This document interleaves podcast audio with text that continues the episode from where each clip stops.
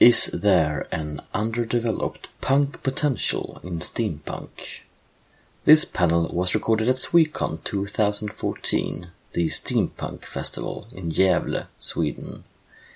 The participants are Miriam R. Rocek, Mike Thurston, Chris Wooding, Cory Doctorow, and it is moderated by Hillevi Pleijel. Svekon-poddar. En poddradio från svenska science fiction och fantasykongresser.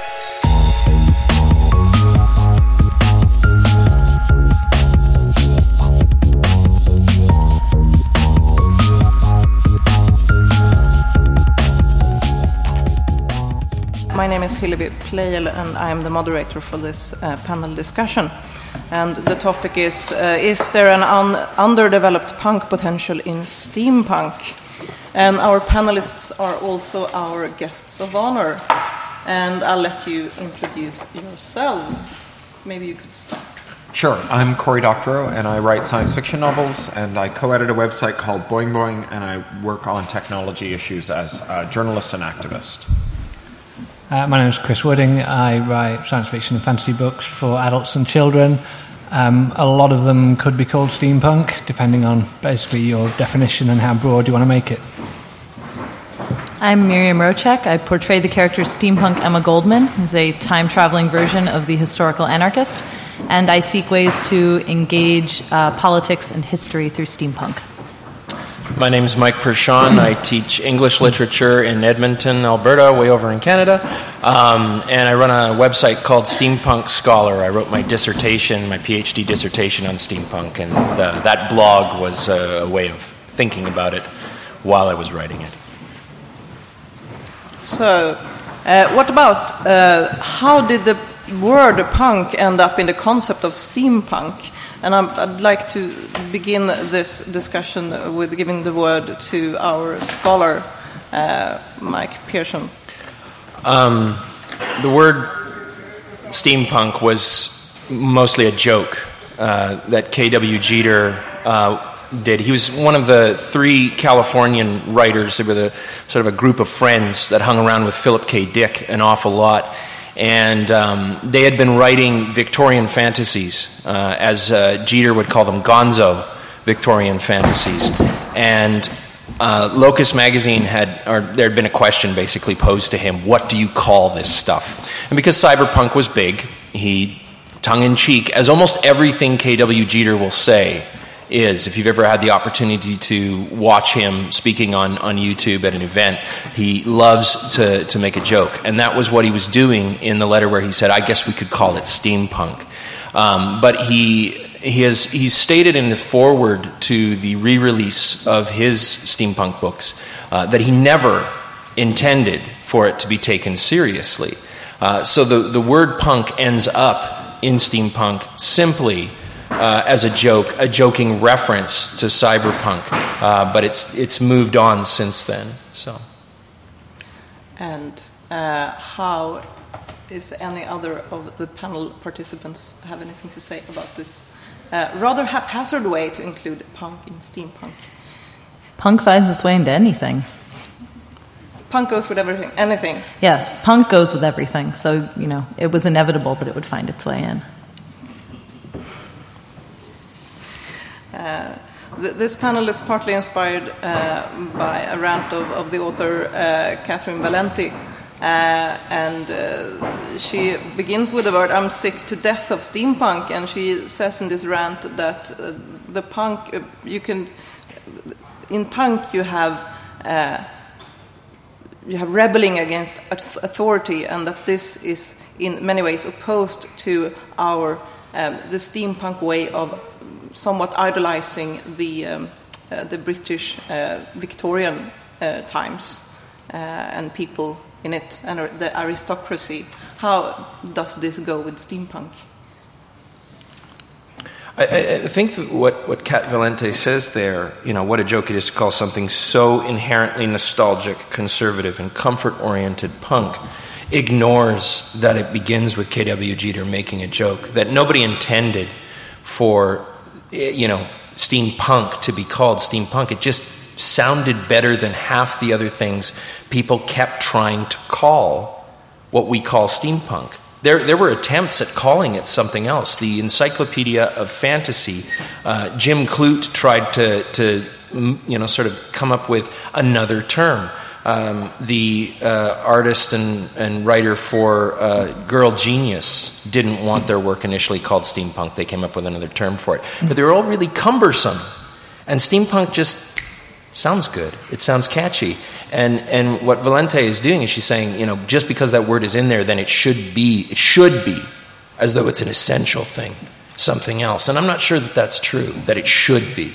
That it could be, maybe. I don't, I don't think that's a, a, a great indictment of Valente, though, because I think that what she, she if, if I were channeling Cat, I would say, well, uh, whether or not Jeter intended it to be uh, part of the like the, the, the DNA of steampunk. The fact is that all the people who became steampunks kept calling it steampunk and decided that it was the catchiest of the names because the word punk resonated with them. So if the word punk resonates, then why is it there? And and I think that there's a good answer for that, which is that uh, steampunk and punk have a lot of the same tensions. Uh, so you know, obviously, punk for all of its its DIY anti-authoritarian nature has an enormous piece of its, its origin story in direct, immediate commodification. Right? Like, it's, it's literally Malcolm McLaren looking at his watch and saying, Time to make another million. Let's see if I can go find four young heroin addicts to uh, teach three chords to and see if we can make, make a, a pound or two off of them. And uh, the same tension lurks in steampunk, um, and it's a, a, a, tension that is. Um, also kind of about the, the tension between what it is to be a, a maker who does something entrepreneurial and someone who is exploitative or is having their medium exploited. So, like, what does it mean to be a steampunk who has a laser cutter who makes groovy interlocking gear, mechanical, sculptural badges and sells them to your friends for costs plus beer money? And how does that relate to uh, Hot Topic adding a steampunk aisle in American malls where stuff that's produced by children chained to machines in South China that is superficially the same is sold to people at substantial discounts off of what you could possibly charge for it as someone who's using the, the laser cutter at the makerspace. And that tension is not so far off from the tension in, you know, by 1980 or so, if you want to peg the, this, the, the first birth of punk around 1977 of um, being able to buy pre-distressed leather jackets with studs paint, you know, already pushed through them, and the stranglers written in someone's very neat hand down the down the sleeves, right? Yeah, I, I mean, I think the tone of that rant, the problem that I, I kind of have with it is that it, it, seems to come very much from from a point of view that Cat Valente's has decided what she particularly decides steampunk is, and then is deriding it for not being that thing. Um, and I think one of the good things about, I mean, like, this panel's going to be about, you know, how we can punk up steampunk, but I think it can be all things. There can be a conservative strand of steampunk, and there can also definitely be this great, uh, a much more sort of like punk edged uh, side to it that potentially probably hasn't been explored. You know, the, the voice of steampunk from the, the guy in the engine room instead of the guy piloting the airship or, or whatever, something along those kind of lines. But, I mean, my, my problem with that rant is just that is, is that she has kind of defined it to herself and is then angry that it hasn't fit this definition. Where I think part of the thing that I personally during this this convention will be trying to figure out myself is what my own definition of steampunk is because as I mean we've been talking before, but a lot of a lot of uh, the set texts and the things that we we like that are considered to be part under, under the steampunk umbrella don't really fall in under strictly the rules that someone would come up with with steampunk. So um, I think I don't know. I think we decided a definition of it really in those kind of terms. Um, I think one of the other problems with saying that that steampunk lacks the punk element is that it depends on this really narrow view of of what steampunk is, and steampunk definitely has you know people in it who are writing or performing or or creating around the idea of nostalgia for a imperialistic aristocratic, sort of traditional, idealized view of, of, what they think was good about the Victorian era.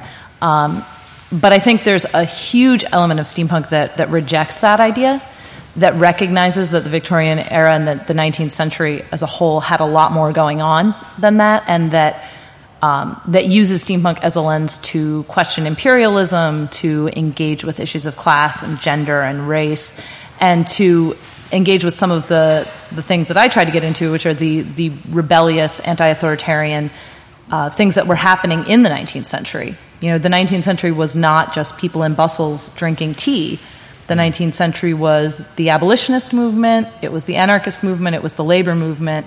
You know, it was all of these things that were hugely radical at the time and ideas that remain radical now. And that's punk. I, uh, sorry. Sorry. Uh, I can defer to you. You're the moderator. No? Yes, yes.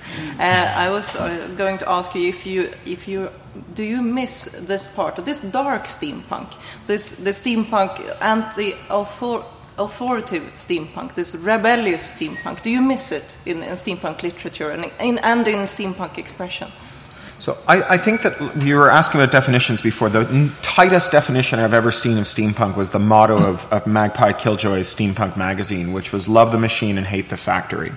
And if you think about the, the kind of the, the, the industrial revolution and the birth of modernity, it was about this fantastic increase in material wealth, and not just through looting colonies, but through the uh, creation of, of um, factory production right? Uh, this is you know the the luddite story, right? Being able to to weave cra- uh, weave weave uh, material on looms, automated looms instead of by hand, suddenly meant that people could own clothing, right? That clothing is not a luxury item, which is a thing that's almost inconceivable by modern standards. The idea that owning more than one suit of clothes makes you rich.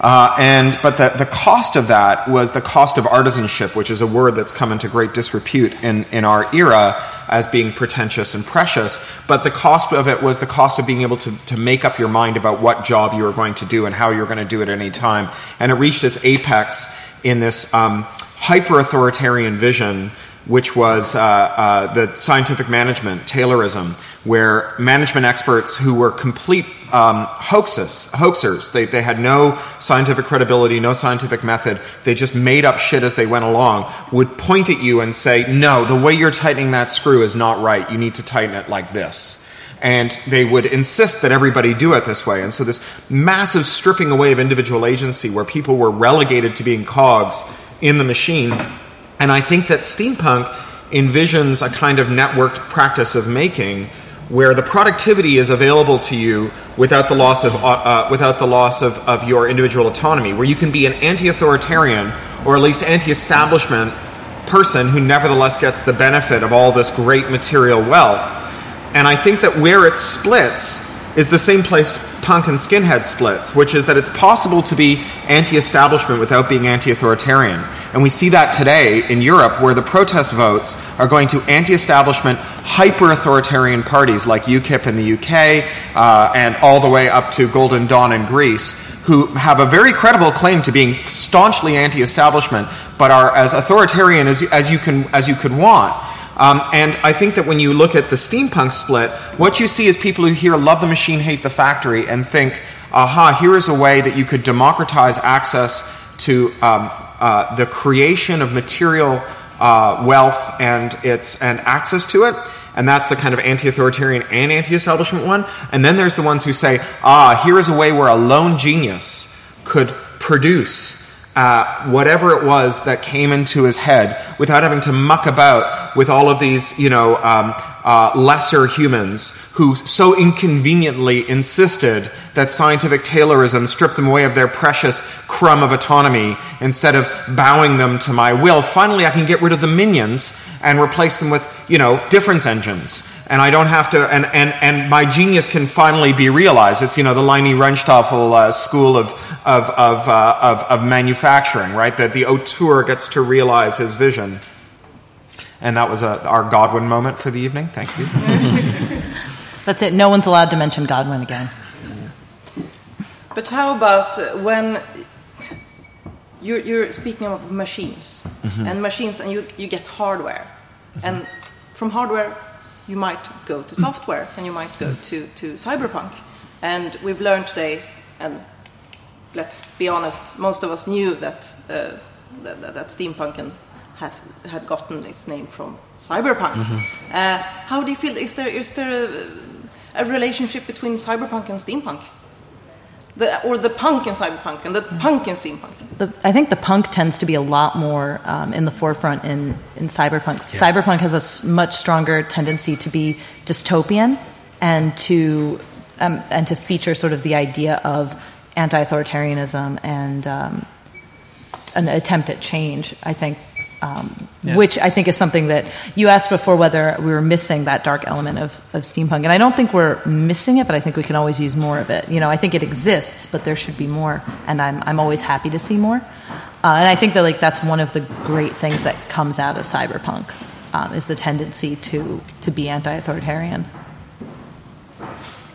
I think cyberpunk. Sorry, did I, I just ranted a No, quick go at ahead, some Cory. length? So I, I, I think cyberpunk has uh, uh, one area in which it's extremely different from steampunk, which is that it was uh, literature that treated computers as metaphors, and that that was the uh, if there's like one defining characteristic about what what what was written between say 1980 and 1993 or so by the first generation of cyberpunks was that they didn't really know much about computers with the exception of Rudy Rucker. And computers were metaphorical stand-ins for whatever it was they wanted to achieve with this futuristic vision that was a kind of reaction against um, a kind of space opera-fied degenerate science fiction that they were that they were upset with and taking aim at and uh, and and so computers were rarely mimetic, right? I mean, you know, if if if if, if you were a computer scientist or even someone with an engineering background reading Neuromancer and the black ice moves out or, or Count Zero and the black ice moves in on Case and and and starts to attack his brain, you'd think. Gosh, have none of these console cowboys heard of circuit breakers? Right? We, we, we use them in our plugs, but apparently not in our neural interfaces. But that didn't matter, right? It was, it was suspension of disbelief. Um, but where you, I think you have this very direct parallel is this idea that the street finds its own use for things, which is the motto of cyberpunk coined very aptly by, by Gibson, but resonating through the whole canon is this idea that individuals can reclaim mastery over machines and use them to strike back. And from the street finds its own use to things to love the machine and hate the factory is it's their, their rephrasings of the same idea fundamentally. Yeah, I think kind of cyberpunk tends to come. It comes from a world where uh, almost by default authority is bad, and so it's this work. You know, you, don't want to be living in a world of surveillance and so on and so on. And that so it's about hackers and people kind of overturning the system. Whereas I think a lot of, or certainly a section of steampunk, is coming from a time when when authority wasn't really seen as all that bad, especially in the narratives where uh, which they take their cues from, written in the 1850s and so on. Especially you know, uh, in the UK in the 1850s, um, uh, certainly coming from the literature out there, I think most Brits were pretty happy to be Brits at the time because it was a time when uh, the country was in ascendancy, and most people, especially the people who were writing the narratives that we ended up reading a lot later, were having a pretty good time of it. And it wasn't coming from the people in the factories, it wasn't coming from the people trudged down.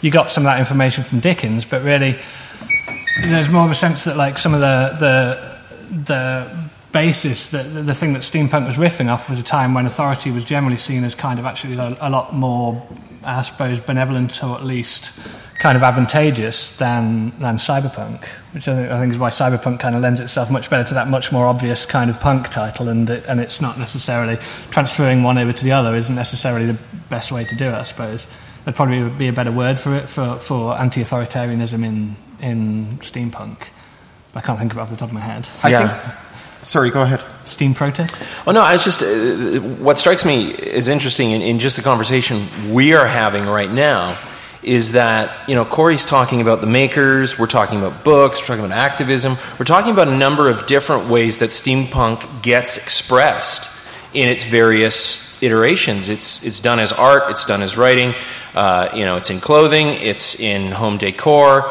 and in some people's cases, it's in manifestos and ways of life. And right there, I think that's where we can see Valente's rant falling short in that it, it doesn't, you know, it, it, it's, it's speaking about perhaps the writing and the writing alone. And if we could just even keep it at that point, asking the question of whether or not there's punk and steampunk, I almost immediately want to reply, which area of steampunk are we talking about so that we can we can refine um, that answer you know because when when you look at the, the you know the, the, maker movement you know Cory you're absolutely right. There's a lot of what you know you're talking about going on there. If we look at the publishing uh, industry there were a lot of uh, there was a lot of stuff that was produced that would fit very nicely into what uh, Valente says you know inherently nostalgic conservative and comfort oriented. But that wasn't the case for all of it either. So, you know, in, in answer to the question, you know, do we miss dark steampunk in the literature? No, uh, you don't. Not if you read it all. But it's wading through all sorts of different expressions of that. I mean, from Jonathan Green's Pax Britannia, which is very nostalgic, very comfort oriented, and in some cases just downright racist um, to uh, you know what China Miéville was doing. If we can include him in steampunk, I'm not sure. Some people say we can't. I say we can. Yeah, I reckon we can. if we're going to punk it up, we've got to put him in there. Do we want to vote? Yeah, sure. Yeah. Let's well, let's convene the Council of Steampunk Aristocracy and, and, and call for a ruling. Yeah.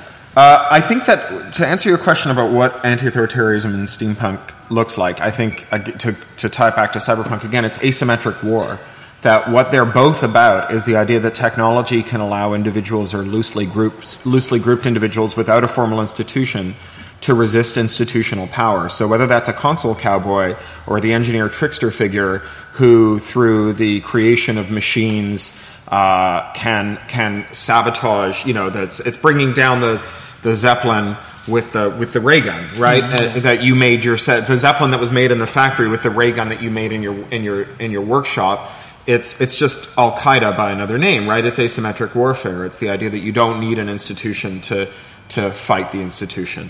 Mm. The answer to the machine is not the machine.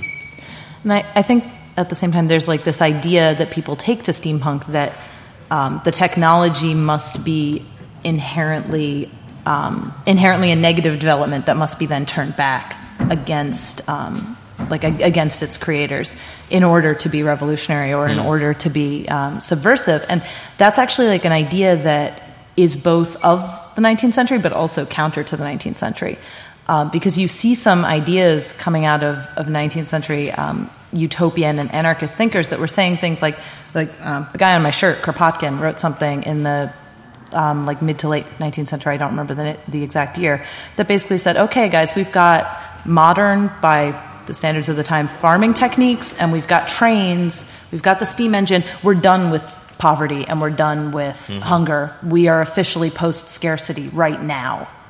You know, and that's that's an idea that people mm-hmm. are. I mean, that's an idea that people are still talking about now. But uh, it, he was getting into at the idea that like technology can bring about an end to these problems as long as we eliminate the social problems that create artificial scarcity as long as we eliminate capitalism and as long as we eliminate the power structures that encourage artificial scarcity, we can use technology to create utopia.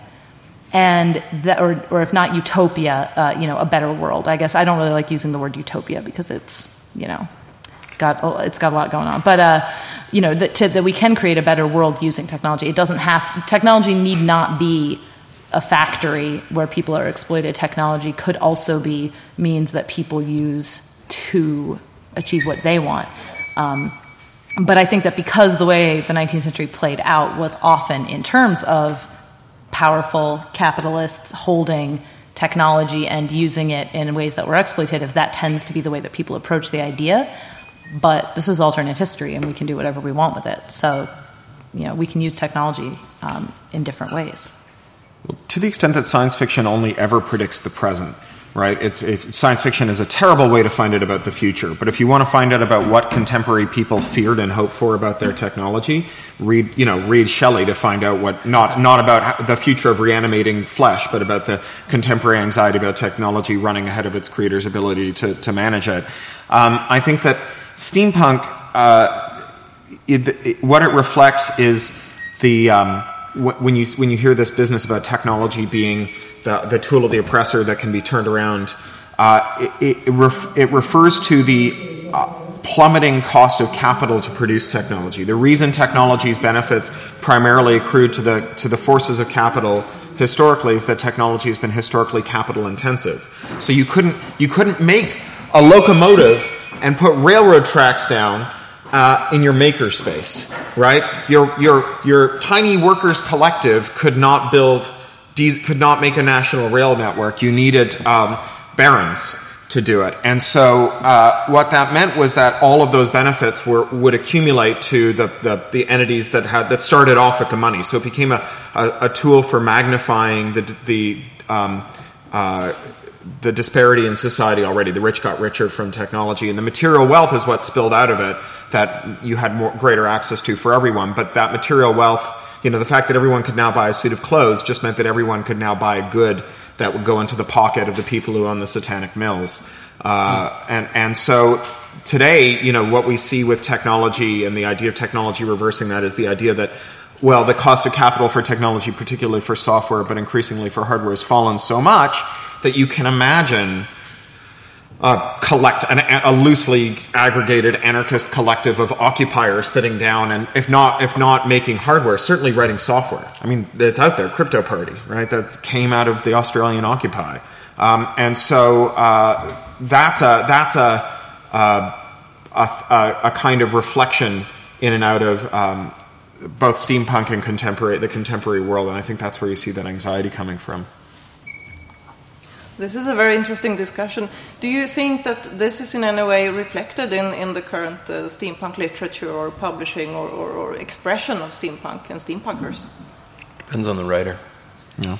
It really depends on the writer. And this goes all the way back. Um, uh, Cory had mentioned Magpie Killjoy earlier, and I just finished up an article for an academic anthology on uh, steampunk, and I was talking, they asked me to write about the seminal steampunk writers, the original you know, people who sort of started this, if we can figure out exactly when it started, you know, because depending on who you talk to, I remember uh, science fiction writer Greg Bear saying at a conference that science fiction for, or sorry, science fiction, steampunk for him started with Harper Goff's design of the Nautilus in Disney's 20,000 Leagues Under the Sea. So he'd go all the way back to L. Frank Baum's Tick-Tock Man. Yeah. Mm. But you know, if we're to look at the early writers, if you're to, you know, if we allow that Michael Moorcock gets the ball really rolling with mm-hmm. Warlord of the Air and its uh, sequels, and, um, and we allow that it's K.W. Jeter, Tim Powers, and James Blaylock in the United States, then you have these two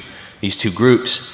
What's interesting is that. Um, and, and, you know, it's it's it's the sort of thing that just happens when you're quoting other people. But Magpie Killjoy had invoked something um, that Jess Nevins had said in the first steampunk anthology that was put out by Tachyon Books. And it was a, it was a statement where it was like when we get back to what steampunk once was. but he didn't he didn't really clarify who he was talking about, like which writer. And then Killjoy took it a step further and nailed it to Moorcock, Powers, Jeter, and Blaylock, and said that serious steampunk, that you know, there's sort of political steampunk, that steampunk that was talking about stuff that mattered.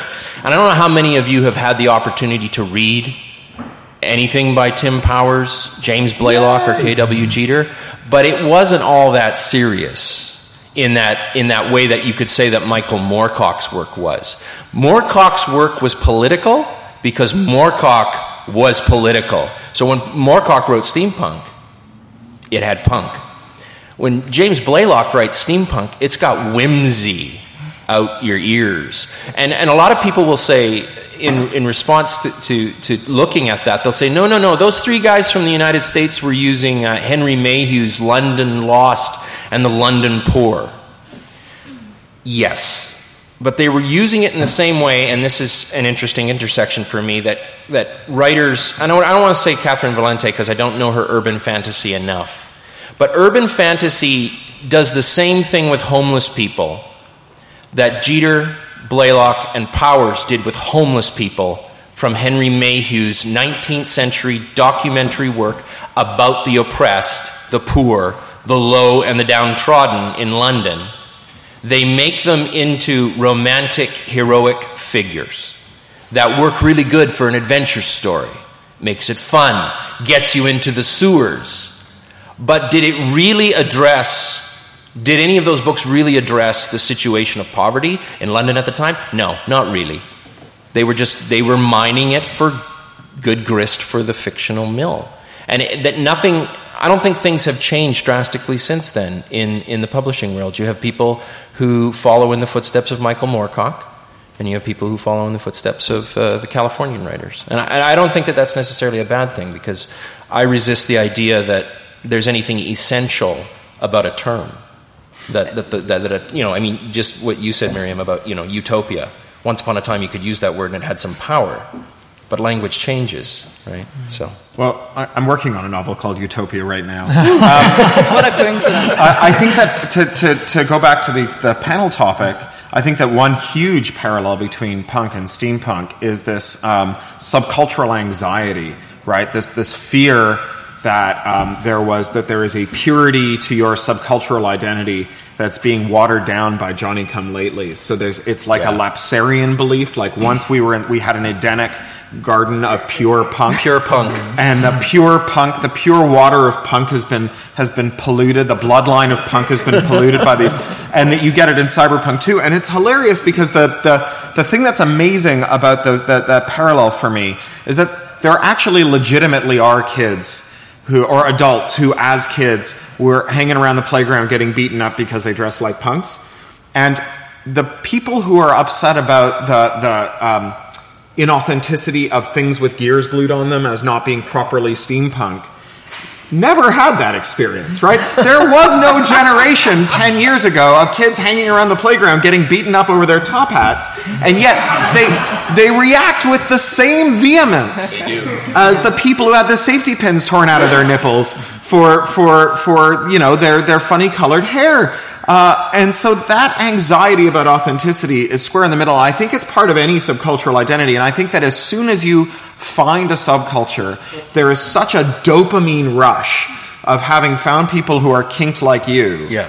And then as soon as the next round of people come in, there's such a disappointment in seeing your own lack of coolness when you arrived reflected in their delight at having found you. And so whether it's people complaining about how great Usenet was in the old days or how great Burning Man was in the old days or how great punk was in the old days or how we once had the pure water of steampunk and now we have the weak thrice brewed tea of Jim Blaylock, it doesn't matter, right? It's the same anxiety.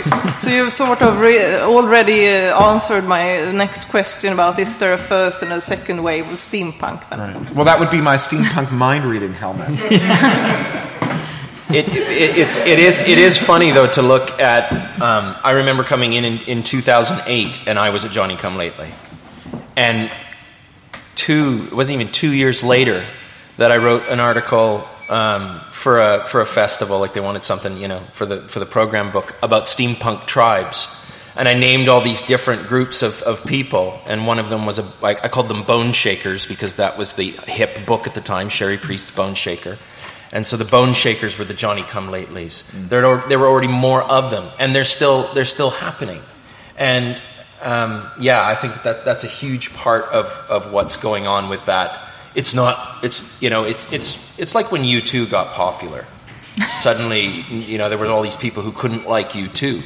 Quite, you know, and it, it happens over and over again with all sorts of bands or with punk itself.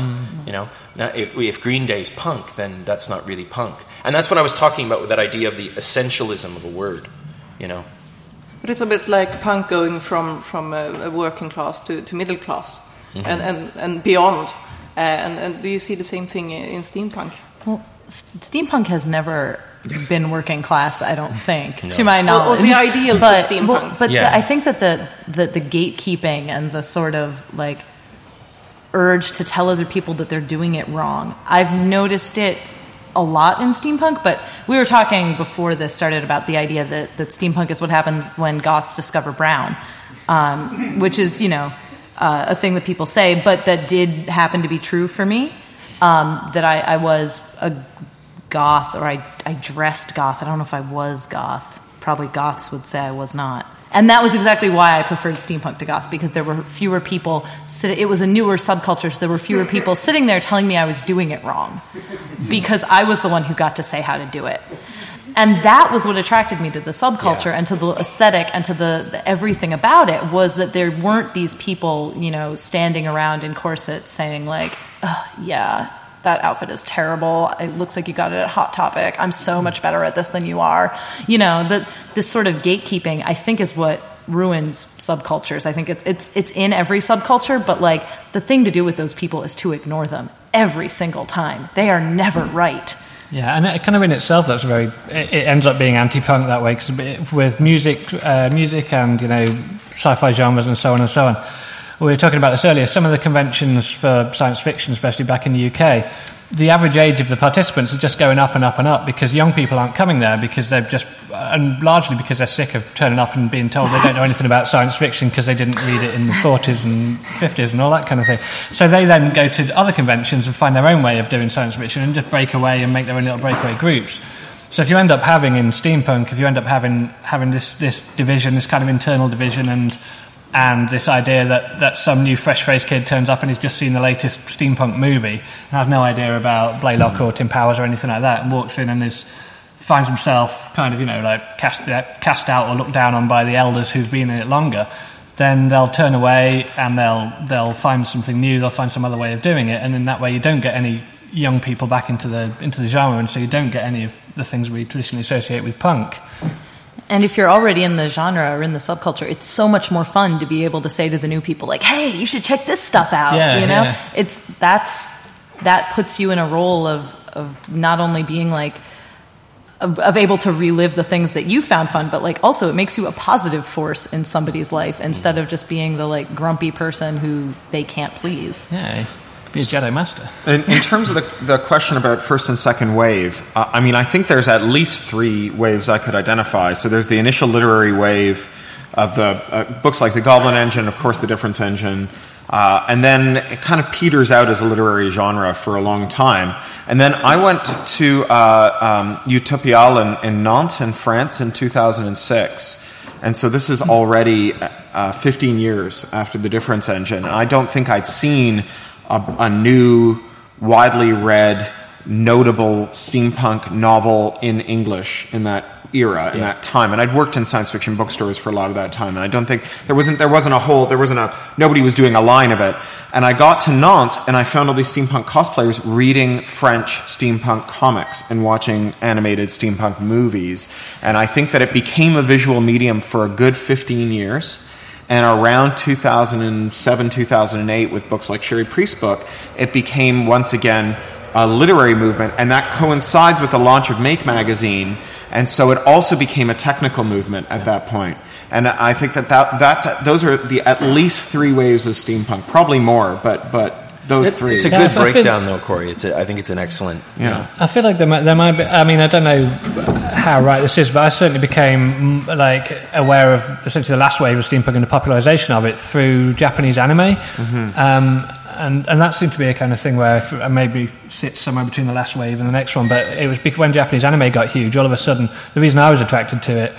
Uh, apart from the way that it, they did plots differently and had a different mythology to Western culture, which I really liked, was this, was their way of uh, just looking at technology and he used to love the movies of Miyazaki and these kind of things. And he he had a lot of uh, he always went uh, kind of in between. He, he never really went incredibly high tech. He would tend to do something which would which would generally associate steampunk in in graphic novels like Nausicaä of the Valley of Wind and so on. He'd have. Uh, great big sort of like flying engines, which were which were driven by sort of like normally mysterious powers, but they weren't they, they weren't in any way really science fiction. They were retro futurist, and that seemed to fall very much into that whole into the genre.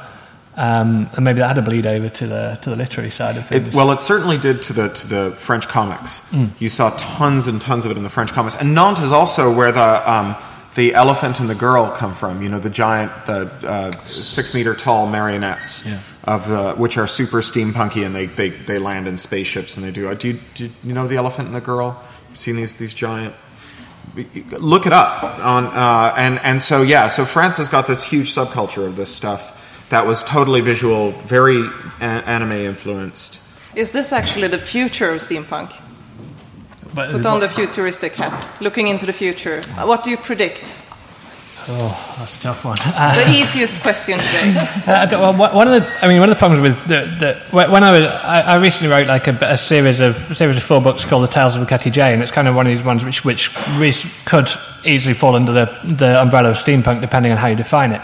But the first two books, when I wrote them, everyone was saying, for God's sake, don't call this steampunk. It's like it will die on the bookshelves, and so and so. I mean, this is the, the, advice that I was getting from from my editors and so on. So I was like, fine, because I didn't think of it as steampunk anyway. I, I wasn't really thinking of a genre thing when I did it, so I was fine with that.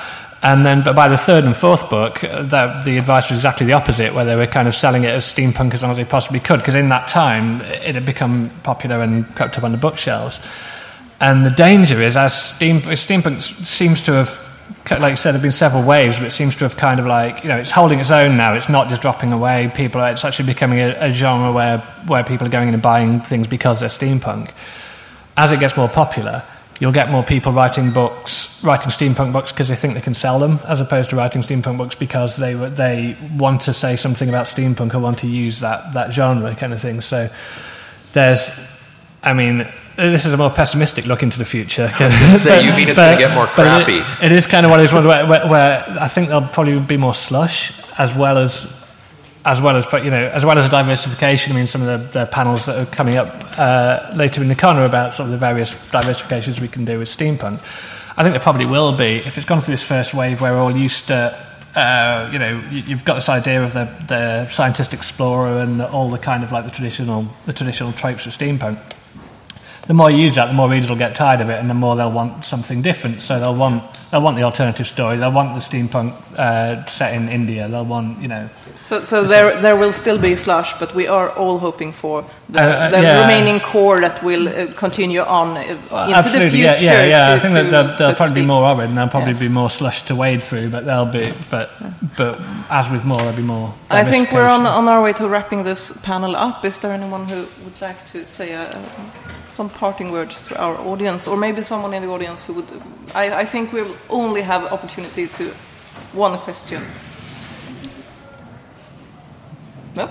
I, I have a closing remark then. If, yes, if please. um, I, I think that the future of steampunk is much more closely tied to the future of wider economic forces. I think that we are losing the, the existence of a middle class thanks to the neoliberal project, that, um, that the diversity of culture is being squeezed out by a winner take all economy. I think we will get lots of steampunk, and it'll be in the form of $400 million movies produced by highly professionalized studios that are extremely polished and have absolutely no depth and will be absolutely forgettable, but will nevertheless sell a lot of toys to people who buy them with credit cards that have uh, 700% APRs, whose debt haunts them for the rest of their lives, uh, and that, um, that and that all hobbyist activity is going to be relentlessly ground down by a tax on working people and benefits for them because the uh, your ability to have a leisure in which you could uh, in which you could participate in a in a social personal life is uh, under unprecedented attack that shows no sign of slowing,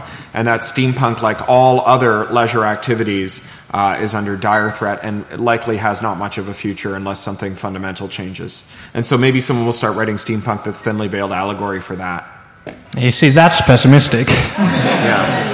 Actually, I think all of us would find that interesting. Yeah. An applause. Thank you very much.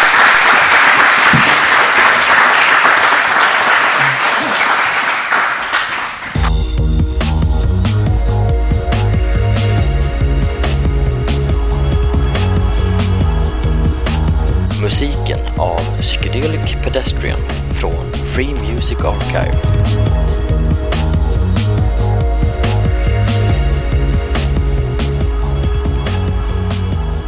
Besök gärna vår hemsida på svekonpoddar.se